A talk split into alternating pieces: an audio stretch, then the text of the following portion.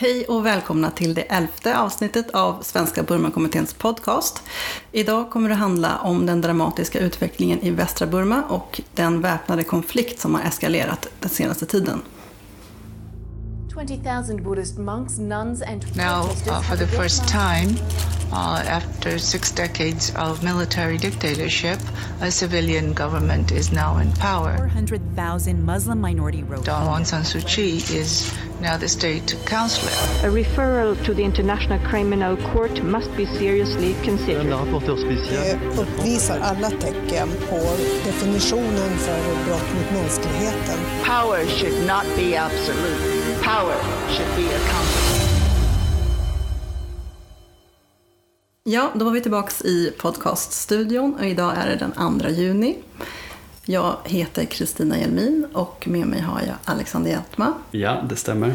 Och dagens ämne som sagt är den mycket dramatiska utvecklingen i eh, västra Burma och konflikten mellan Arakan Army och den burmesiska militären. Och eh, anledningen till att vi pratar om det här är ju att det har skett en eh, upptrappning under senare tid. Ja, alltså det har varit en ganska dramatisk upptrappning. Eh, och i en tid då som karaktäriseras av liksom global pandemi och även i Burma stora åtgärder liksom från, för, från myndigheternas sida för att bekämpa smittspridning och sådär. Eh, och även en, liksom, en tid då andra konflikter i Burma är, är inne liksom i någon slags lågt, lågintensivt läge så är ju den här en konflikt som verkligen har trappats upp de senaste månaderna. För vi pratar inte om någon, någon liten konflikt utan det handlar om hundratals döda civila och väldigt många som har behövt fly från sina hem. Så det är ju en, en stor konflikt som det ändå har varit relativt tyst om får man säga. I medier och så vidare. Eh, Men om vi, om vi börjar med att prata lite grann om, om var vi har hamnat. Var är vi i landet? Men som sagt, vi talar ju om västra Burma, det vill säga delstaterna, framförallt delstaten Rakhine då. Och eh, även södra Chin då, som är den angränsande delstaten norröver Rakhine. Så det här är alltså mot gränsen till Bangladesh och även Chin angränsar även till Indien. Men då kanske man ska börja med att säga på en gång, för många har, nog, har ju hört om, om Rakhine och den konflikt som Rakhine är känd för är ju övergreppen mot rohingyer som skedde framförallt 2016-2017 då över 700 000 människor fick fly. Och den situationen är ju fortsatt väldigt allvarlig. Människor befinner sig fortfarande i flyktingläger i Bangladesh. Så det, det, det ska man ha i, i åtanke att vi pratar om alltså en, samma delstat, samma område. Och till stor del samma områden, precis norra, norra delen av Rakhine. Ja. Och på ett sätt, Mm, vi pratar om två olika konflikter mm, eftersom att det är, den, vi kommer in på det snart, men den ena konflikten handlar ju då om majoritetsbefolkningen i Arakan, i Rakhine-staten, alltså arakaneserna. Eh, och ehm, tidigare har det handlat mycket om den här minoritetsgruppen rohingyer. Men faktum är ju att alla drabbas ju, alla, det finns ju många olika grupper som bor i det här området och både rohingyer och arakaneser drabbas ju hårt av, av den här konflikten. Och även eh, befolkningen i Chin då, eh, som är norröver. Eh, Men om vi skulle gå tillbaka lite grann då och, och prata om vad är, det, vad är det egentligen som har hänt? Varför är det här viktigt att ta upp just nu? Nej, men det är som du var inne på tidigare. Jag menar, framförallt så är det ju att det har trappats upp rejält. Alltså stridigheterna har ju ökat den senaste tiden. Och det här är ju en konflikt som har liksom, där stridigheter har förekommit ganska sporadiskt från ungefär 2015 och framåt. Men eh, det var framförallt då årsskiftet 18-19 som det här trappades upp och under hela 2019 så har det ju förekommit stridigheter i de här områdena. Eh, och, eh, men sedan senaste årsskiftet nu då, i, och sen i, sen i början av det här året så har det ju verkligen trappats upp och liksom antalet som har blivit ja, tvingats på flykt eh, i området har ju i princip dubblerats sen i början av året så det är verkligen en eskalering. Om vi ska säga någonting om parterna i den här konflikten då. Dels är det ju Burmas egen militär eh, och sen eh, Arakan Army som är en väpnad grupp som vi nämnde. Ehm, vad, vad vet vi om Arakan Army egentligen? Men det är en väpnad grupp som, som så många andra väpnade grupper i Burma mobiliserar kring etnicitet. Eh, Arakan Army, Arakan är ett annat namn på Rakhine, det vill säga delstaten där då arakaneser eller Rakhine är majoritetsfolkgrupp. Mm, det här är en relativt nybildad organisation om man jämför med många andra väpnade grupper i landet. Och så. Enligt uppgift bildades de 2009. Och de har ju tränats av Kachin Independence Army uppe i norra Burma, mm. i Kachin. Och de ingår i en slags koalition med bland annat KIA då. Så därav kopplingen. Mm. Och de har även sitt huvudkontor fortfarande i Laisa, det är samma som KIA. Alltså långt ifrån Rakhine då mm. relativt. Men har då som sagt sedan ja, ungefär 14-15 2014-15 tagit sig ner då framförallt till södra Chin och Paletwa Township där de då har stridit med den burmesiska militären och de har även då på senare år lyckats ta sig allt längre in då i norra Rakhine. Mm. Och det är just som vi var inne på, det är ju det här området som striderna nu rasar. Mm. Nu ska vi säga någonting om också vad, vad konflikten handlar om. Varför, varför strider de? Ja, men där kan man också dra paralleller till andra eh, konflikter mellan centralmakten och kanske framförallt då den burmesiska militären och då olika etniska minoritetsgrupper längs landets mm. gränser. Och då handlar det mycket om självstyre till stor del. Alltså, Arakan Army kämpar ju från, som de säger då, ett, ett Rakhine fritt från ja, bur, bamar, burmanskt mm. förtryck eller vad man ska säga. Och ökat självstyre helt enkelt i delstaten. Och bara häromdagen så släppte de ett uttalande där de kräver en total tillbakadragning av eh, burmesisk militär och även administrationsapparat liksom, mm. från delstaten. Och de drar ju ofta paralleller till det som var, brukar kallas Arakan Kingdom som är då ett gammalt kungarike som hade sitt säte i Miao då i norra Rakhine. Eh, så det finns många sådana historiska, men alltså förenklat kan man väl säga ungefär så. Mm. Och sen då att de har ju ganska stort stöd från den lokala befolkningen i, i Rakhine då. Um, och vad jag förstår, en, en, anledning kanske till att det har eskalerat på senaste tid är också att man inte har sett några förbättringar trots då att det är en delvis folkvald regering i Burma sedan 2016. Och man tycker då att man fortsatt är förtryck, förtryckt. Och eh, ja, dels handlar det här om hur liksom NLD-regeringen då har tagit sig friheter och bland annat eh, tillsatt den högsta politiska ledaren i, i Rakhine, vilket är helt liksom, i enlighet med konstitutionen men ändå gör att människor känner att det spelar ingen roll vilket parti vi röstar på här. Det är ändå liksom centralregeringen som som tillsätter de politiska positionerna. Ja, men precis. Och för att förstå det kanske man kan nämna då att ANP, då, American National Party, som är det största politiska partiet, mm. de vann ju, eller de blev största politiska parti i delstatsvalet då, men hade ändå inte möjlighet att få bilda delstatsregering, eller vad man ska mm. säga, med chief minister och så. Och detsamma hände i Shan State, mm. där NLD inte heller var största politiska parti. Så de, men de tog ju alla Chief Minister-positioner i hela landet. Men det, som sagt, det kan vi prata om ja, en annan gång. Precis, men eh, du har gjort en intervju inför det här avsnittet. Vem är det du har pratat med? Ja, men det stämmer. Jag pratade inför det här avsnittet så pratade jag med Salai Zaouk från Chin Human Rights Organization som är en lokal MR-grupp som bevakar de här, eh, eller bevakar delstaten Chin då framförallt och MR-situationen där. Eh, och det här är en organisation som har verkat 25 år i, i området och som har bra koll på läget och så här brett nätverk och det är ganska svårt att få ut uppgifter från det här området för att det råder, ja, det är väldigt isolerat, det råder konflikt och det är få som faktiskt har tillträde, få utifrån som har tillträde till det här området. Eh, men eh, vi kan väl eh, lyssna på vad han sa. Och för transparensens skull kanske jag ska nämna att den här intervjun som jag gjorde med honom, den spelades in för ett par veckor sedan. Bara så vi har det i bakhuvudet. Mm. So the the fighting really started uh, back in 2015 in Chin State, and it has dragged on for for the life the, the last five years. And the recent escalation um, has been particularly severe um, because it involved uh, uh, aerial assault by the Tatmadaw uh, using helicopter gunships and fighter jets um, against the Arkan army. Um, and we've seen uh, the deaths of at least 32 civilians uh, in the last two months alone uh, as a direct result of this fighting.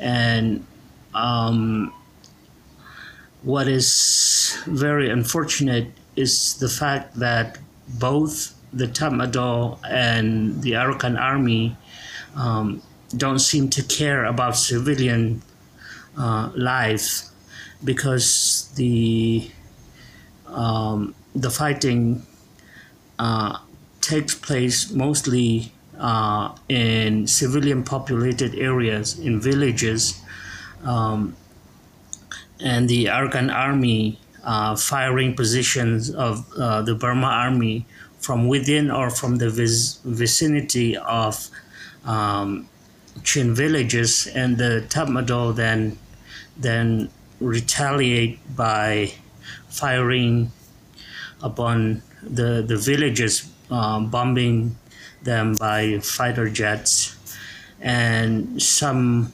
communities um, are facing uh, food shortages because they are completely cut off from uh, food supplies uh, because of heavy military presence from both sides of of the fight. Um, so we're very concerned about the ongoing uh, risk to civilian lives, and with the advent of COVID 19, uh, there are more concerns regarding the well being of those people who are being displaced um, on a daily basis. Det som jag tycker blir tydligt när, han, när vi hör honom beskriva situationen just nu i, i det här området är ju att det här inte är någon liten eh, perifer konflikt som det kanske ibland framstår som när man läser om det utan det här har ju verkligen utvecklats till att vara den mest eh, allvarliga väpnade konflikten som pågår i, i hela landet just nu. Och man hör ju också hur han beskriver hur de stridande parterna inte verkar bry sig om civila. De här, det sker ju bombardemang från luften mot, ja, mot, i princip mot byar eller i närheten av civila mål. Det finns ju rapporter om att eh, hus har bränts ner och väldigt grova anklagelser om om krigsbrott till och med. Ja, men det som slår, är att, slår en är ju att det är så grovt. Han pratar ju om angrepp från luften, han pratar om eh, stridsflygplan och helikoptrar ehm, som eh, används ja, mot civila helt enkelt. Och eh, ja, men det finns ju anklagelser om krigsbrott mot båda de här parterna då. Och när det gäller Arakan Army så handlar det ju om att man dels använder civilbefolkningen, framförallt i Chinsate, då, till tvångsarbete, bland annat att man tvingar folk att vara guider och i praktiken mänskliga minsvepare. Um, och även att det finns ju många exempel på att Arakan Army har tagit gisslan um, nu både det här året och förra året. Flera uppmärksammade exempel där. Ja, de, det var väldigt uppmärksammat här i början av året när de tog en eh, eh ja, parlamentsledamot gisslan mm. och höll honom i flera månader. Och de har ju, det finns ju flera sådana liknande eh, situationer där de har tagit ja, personer som gisslan helt enkelt. Mm. Och även anhållit eh, civila för, och anklagat dem för samröre med, ja, båda sidor har ju an, anhållit eh, civila och till och med torterat mm. människor. Och sen så är det ju, som han nämnde också, att de här striderna sker ju i byar eller väldigt nära vanliga byar där människor bor. Och då, finns det då, då gäller det framförallt mot militären att det finns anklagelser om att det här sker liksom med så, så lite omsorg om civilas liv att man till och med kan kan hävda att det är riktade attacker mot civila. Och det är ju helt klart ett, ett krigsbrott. Men även de attackerna som sker, ja, de sker nära byar så att man, man förstår att, att civila kan komma i kläm. Och det, det, är, då, det är också liksom ett, det utgör krigs, krigsförbrytelser. Så det är ju väldigt, som du säger, det är ju verkligen en, en allvarlig situation för människor som bor i området. Om vi ska ta ett eh, nyligt exempel också som handlar om hur egendom har förstörts som också utgör krigsbrott ehm, så var det ju ett exempel i förra veckan där det var eh, en by som brändes till marken med 200 eh, byggnader var som stod så att man, då, då hade människor redan hunnit fly därifrån. Men att det visar ju också på liksom väldigt storskalig förstörelse av egendom. Och här finns det ju tydliga paralleller till hur man eh, behandlade byar där rohingyer hade bott eh, eh, tidigare. Att mm. När folk hade flytt så ja, förstörde man hela byar och jämnade dem bokstavligen med marken. Mm. Och det är ju hundratals civila som har dödats i den här konflikten under det här dryga året då som de, det har pågått på en mer intensiv skala. Och som vi nämnde tidigare tror jag tusentals eh, stridande finns det rapporter om som har dödats mm. framförallt på militärens sida. Men utöver allt det här så är det ju också en väldigt avskärmad del och striderna gör ju att det blir än mer isolerat. Och som Salai Zaoup beskrev det när jag pratade med honom, det är ju att Chin State vet vi ju sedan tidigare, det är alltså landets fattigaste delstat. Där, med mycket liksom eftersatt infrastruktur och den är väldigt isolerad till geografin. Det är ju ett mm. otroligt bergigt område. Eh, och dessutom är det så att Palewa Township då i södra Chin, det är liksom, han beskrev det som det fattigaste av de fattiga. Mm. Att det är den fattigaste delen av Chin och Chin i sin tur är den fattigaste delen av hela landet. Så det är, det är ett otroligt, vad ska jag säga, det är en prekär situation till att börja med. Och sen är, på grund av den här geografin då, så är det ju så att Chin, eller Paletba då i södra Chin är ju ganska avskärmat från resten av Chin på grund av att det är väldigt bergigt. Och så den eh, access man har till Paletba i vanliga fall är ju via floden Kaladan då ner till norra Rakhine och ner till Sitwe i slutändan. Eh, och det finns även eh, liksom bilvägar där som är i väldigt dåligt skick och nu är de dessutom i princip inte i bruk de här färdvägarna utan det, han beskriver det som att det är ingen som vågar bedriva färjetrafik till exempel på floden så de har ju väldigt svårt att få in förnödenheter och mat, alltså basala egentligen mm. förnödenheter till det här området. Så det råder bränslebrist. Mm.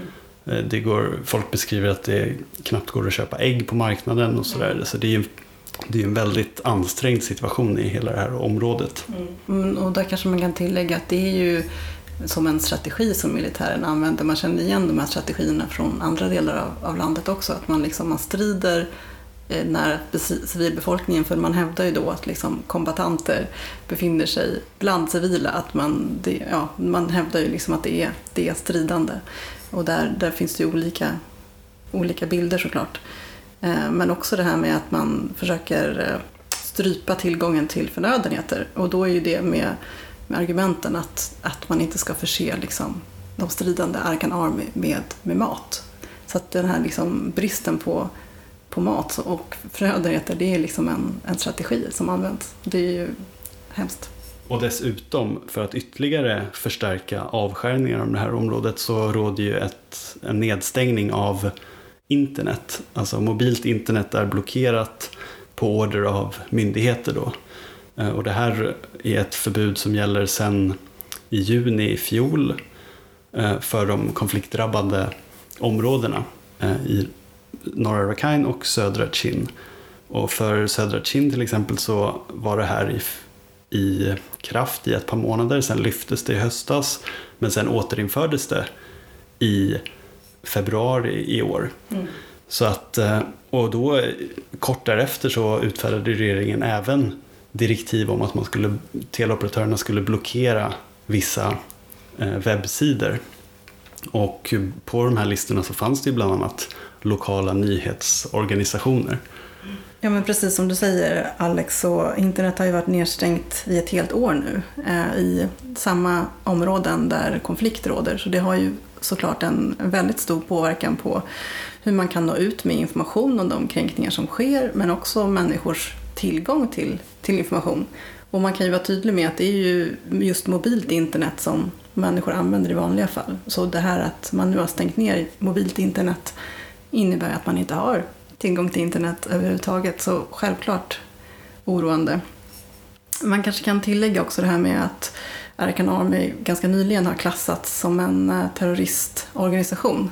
Och det har ju också påverkat eh, alltså rapporteringen om det här. Att det blir svårare och svårare att rapportera. Och där hade vi ju ett fall, eh, eller hur Alex, för några veckor sedan. Ja, det var väl en, i mars blev ju Arkan Army då klassat som Arakan Army tillsammans med United League of Arakan då, som är den politiska grenen av den här organisationen klassificerades som terrororganisationer mm. och eh, sådana här unlawful associations. Då. Och det, det möjliggjorde då eh, att eh, man kunde anklaga folk som till exempel då, journalister som hade intervjuat talespersoner för Arakan Army eh, för, ja, mot brott under terrorlagstiftningen vilket då ger mycket hårdare påföljd än en annan lagstiftning som används i andra fall, till exempel förtal och sådär. Mm. Och då, då väcktes ju faktiskt åtal mot en journalist för att ha publicerat en intervju med en talesperson från American Army. Sen efter mycket kritik och så, så la de ju faktiskt ner det åtalet. Men det var ju flera eh, andra journalister och redaktörer som hade publicerat intervjuer som var tvungna att gå under jord när det här skedde. Och man gjorde, i samma veva gjorde man även från eh, myndighetshåll då tillslag mot olika mediehus i, i landet. Så att det pågår ju liksom, vilket vi har pratat om många gånger eh, förr, att det pågår ju i princip ett slags angrepp mot eh, yttrandefriheten i landet. Mm. Men det är ju signifikant också att liksom det gensvar som kommer från regeringssidan handlar om att liksom ytterligare försvåra för informationsspridning och yttrandefrihet. För det, man kan ju påpeka att det här nedstängningen kommer ju då genom eh, den civila delen av regeringen. Um, Argumentet är ju liksom att, eh, från regeringshåll är ju att eh, man ska försvåra för ja, just den här motståndaren, då, mm. Arakan Army, att, i det här fallet, att, ja, men att kommunicera och att även tror jag de har pratat om att de har fjärrutlöst bomber på något sätt med med hjälp av den här infrastrukturen och att det finns många sådana argument. Men det påverkar ju såklart. Det finns ju uppgifter om att det är omkring en miljon människor som drabbas av den här, de här avstängningarna när de är i, i full kraft då, i alla townships. Det kan man ju ändå tycka är väldigt anmärkningsvärt under liksom pågående pandemi, pågående väpnad strid. Så det är den, det svaret som kommer från regeringshåll. Ehm, men det var också någonting ni pratade om i intervjun hur regeringen har agerat och vad de skulle kunna göra. Ja, och framförallt ställde jag en fråga eh, mot bakgrund av det här uttalandet som kom från Aung San Suu Kyis eh, kontor eh, för ett par veckor sedan. Och då, det var ju ganska kontroversiellt, i alla fall i MR-kretsar när det kom, för att då hade liksom hon inte direkt kommenterat den här konflikten på ett tag. Och det som hon, det hon gjorde då i sitt uttalande, det var att hon ja, i princip hyllade eh, då soldaterna då i det här området för sin, ja, för sin heroiska insats och det de gör för att beskydda civilbefolkningen och sådär.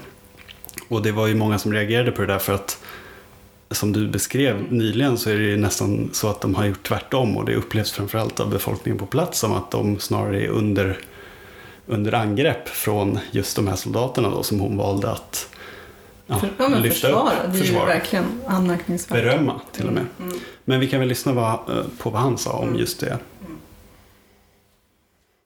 Well, the statement was very unhelpful, um, to say the least, um,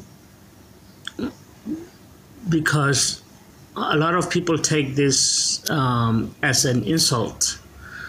You know, she praise uh, she didn't take responsibility uh, even acknowledge uh, that the Tatmadaw was responsible for bombing uh, the villages, which resulted in the deaths of civilians, and at the same time uh, praising the Tatmadaw for doing a very good job um, was very insulting to uh, a lot of people. Um,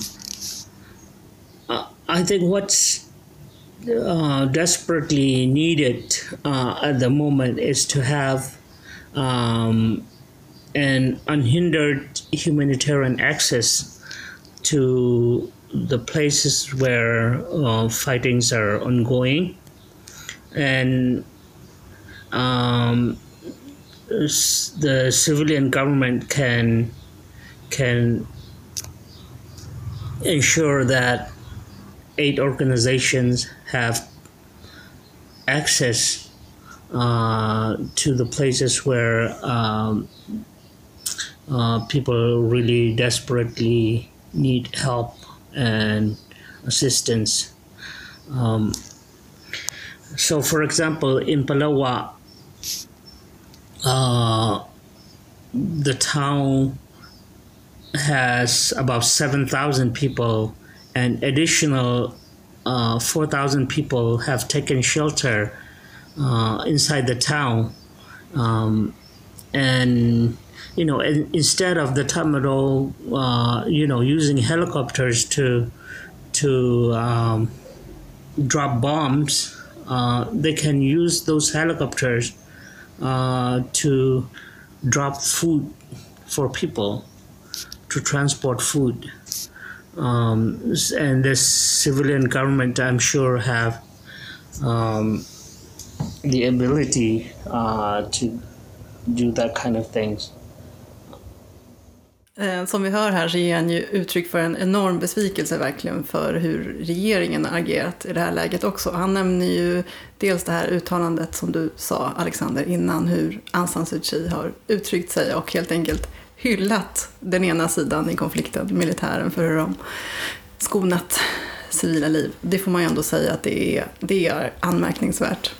Det är magstarkt och det är liksom, de har hyllat den ena parten de har terrorklassat den andra parten och de fängslar journalister som bevakar det här. Så det, man förstår ju frustrationen mot hur de har agerat i det här. Och man, jag tänker också på, han beskriver ju det här humanitära tillträdet mm, också som, mm, är, mm. som är väldigt begränsat och som ju har varit begränsat länge i, i norra Rakhine. Och som, som jag nämnde tidigare så är det här, de södra delarna av Chin är ju väldigt avskärmade redan till att börja med. Och nu får man inte in förnödenheter. Mm. Eh, och det var ju dessutom, i och för sig eh, delvis orelaterat, men det var ju en WHO-anställd som dödades. Alltså från Världshälsoorganisationen mm. härom månaden när deras bil besköts och då transporterar de ju covid-tester då mm. på väg mot Yangon. Så att det liksom påverkar verkligen all, all verksamhet i det här området. Men jag tycker det är, en, det är en talande bild här som man har på slutet. Att istället för att komma med bomber så skulle de militära helikoptrarna kunna komma med förnödenheter. Verkligen. Verkligen, det är ju liksom... Men om vi går tillbaka till det här med regeringssidans svar. Man kan ju lite grann se det här kanske om man kopplar an till, till om man lyfter blicken till fredsprocessen generellt. Så man kan ju lite grann se det här som en reflektion av hur, hur fred, fredsprocessen går. För, inte så bra. Inte så bra. Nej. Är det någon fredsprocess kan man fråga sig.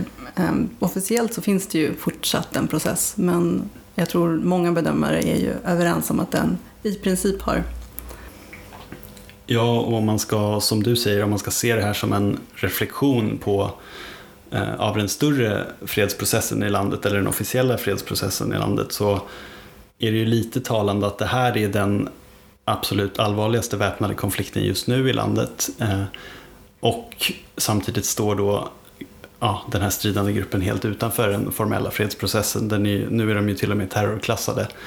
Eh, och om man tittar till då Nationwide Ceasefire Agreement, NCA, eller den här ja, Panglong-konferensen och hela den officiella fredsprocessen så är det ju det är ju tio signatärer, men varav de två största, RCSS och KNU, sen över ett år tillbaka har valt att ta ett steg tillbaka och liksom pausa eh, förhandlingarna och sådär. Eh, för att de inte ser att det rör sig åt rätt håll. Mm. Men inte nog med det, dessutom är det ju ungefär så att ja, uppskattningsvis 80 procent av de väpnade styrkorna då står utanför den formella fredsprocessen. Mm. Eh, Medan det finns ett flertal, du sa tio grupper som har skrivit på som officiellt är med och där finns det ju flera av dem som in, inte har särskilt stora trupper men ändå är med i processen. Ja, som, ja, precis. I sammanhanget är de ju snarare NGOs som eh, vissa bedömare brukar säga. Mm. Men man kan väl också säga att eftersom att Arakan Army har blivit utesluten ur processen på ett tidigt skede, att man kan se det till en anledning till att den här konflikten har eskalerat också. Att man helt enkelt har tagit till de militära vapnen när den politiska vägen inte har funnits. Ja, och en annan eh, grej man kan nämna i sammanhanget är ju att eh, Arakan Army då har koppling till flera andra väpnade grupper i landet. Vi nämnde ju tidigare att de har fått utbildning och så under KIAs beskydd i norr. Och de ingår ju även i den här så kallade brödraskapsalliansen, eller, och norra alliansen också. Eh, det vill säga tillsammans med KIA, MDAA och TNLA då i norra Shan. Så att, eh, och de genomförde dessutom en attack i augusti förra året mm. mot Försvarshögskolan i Pinolwin utanför Mandalay som tog alla på sängen. Och, så det här, och det här är ju, och stridigheterna i norra Shan är ju också allvarliga, även om de just i talande stund liksom är mm. i en, inne i en lite lägre fas. Mm.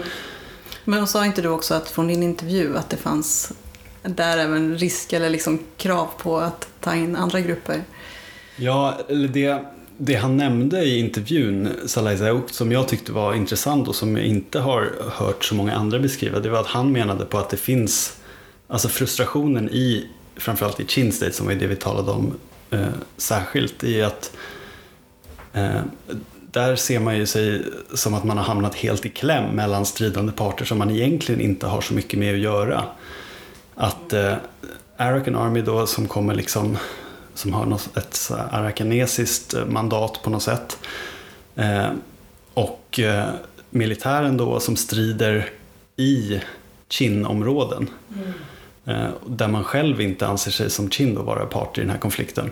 Och då har det eh, enligt eh, Saleh Zaouk då framkommit, eh, alltså från en del håll så har det framkommit önskemål om att eh, CNF, det vill säga Chin National Front, ska på något sätt ja, kanske inte lägga sig i konflikten men i alla fall på något sätt eh, hjälpa till i den här situationen. Och CNF är ju egentligen den kanske väpnade grupp som man tänker på först och främst när man talar om Chin State. Eh, och det är ju en grupp som sedan 2012 har bilateralt, eh, bilateralt vapen eller eldupphöravtal med regeringen och som även är en del av NCA sedan mm. 2015. Så att Eh, och den gruppen strider ju inte aktivt mot regeringen nu, men de har ju fortfarande viss truppnärvaro i delar av Kina. Inte då, ska vi säga, kanske just i Paletwa i södra Kina. Mm, mm. Men hur som helst, då, kontentan är väl att och de har ju hittills aktivt ställt sig utanför den här konflikten. Mm. Och de har kanske heller inget, inte så mycket att vinna på att gå in militärt, men det finns, det är ändå, på ett sätt är det ju oroande att det finns sådana tendenser att från visst håll så Tryck, tryck ja, ett visst tryck då från visst håll att, att ytterligare en väpnad grupp då ska lägga sig i och kanske blanda sig i den här konflikten. Då. Nu, nu nämnde vi många olika namn på, på grupper och sådär men ändå liksom någon form av sammanfattningsvis så det finns ju inga tecken på att den här konflikten avtar utan snarare tvärtom. Det är bara en ökande eskalering och viss risk då kanske att den kan sprida sig ännu mer och att fler grupper kan blanda sig i om man tittar, tittar lite, lite framåt. Ehm, jag tänkte vi kunde nämna också att ehm, även om vi inte har hört så mycket alls i medierna om det här så finns den ju ändå på den internationella agendan på något sätt. Frågan var uppe i säkerhetsrådet för någon vecka sedan bara. Ehm, just den här eskalerande konflikten i, med eh, Arakan Army. Okej, vi har pratat en stund nu och det kanske börjar bli dags att runda av lite grann. Eh, men lite kort då, vi har pratat om den eskalerande konflikten och vi har pratat om att det här är en, en stor konflikt med, vi nämnde siffran 80 000 personer som befinner sig på flykt i området och vi pratade om att det är minst 100 döda som har 100 civila döda hittills i år. Hittills i år, precis. Förra året dog ju långt över 100 så det är ju verkligen Och det är ju då civila och till det kommer ju eh, antagligen tusentals eh, soldater på de två olika sidorna. Ja, och sen eh, tyvärr inte så mycket positivt att rapportera kring den här konflikten utan som sagt, alltså dagligen nästan får man ju rapporter om att läget förvärras ytterligare och sen kommer också rapporter om att vissa hjälpsändningar har nått fram. Nyligen, alltså tillsammans med VFP tillsammans med lokala myndigheter har lyckats få fram viss begränsade leveranser av ris, olja och liksom verkligt så basvaror. Men det täcker ju inte alls behovet så att det är, tyvärr så är det väldigt dystert just nu. Och med det sagt så tänkte vi börja avrunda det här samtalet. Det finns väldigt mycket mer att säga och vi kommer självklart fortsätta följa frågan. Ehm, ja, Ja, vi har ju skrapat på ytan men förhoppningsvis gett en introduktion i alla fall till vad det är som försiggår i, i västra Burma.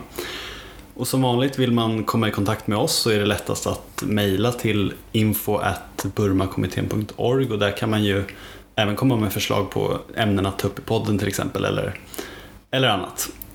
Men eh, ska vi säga så? mm, tack för idag. Tack för idag.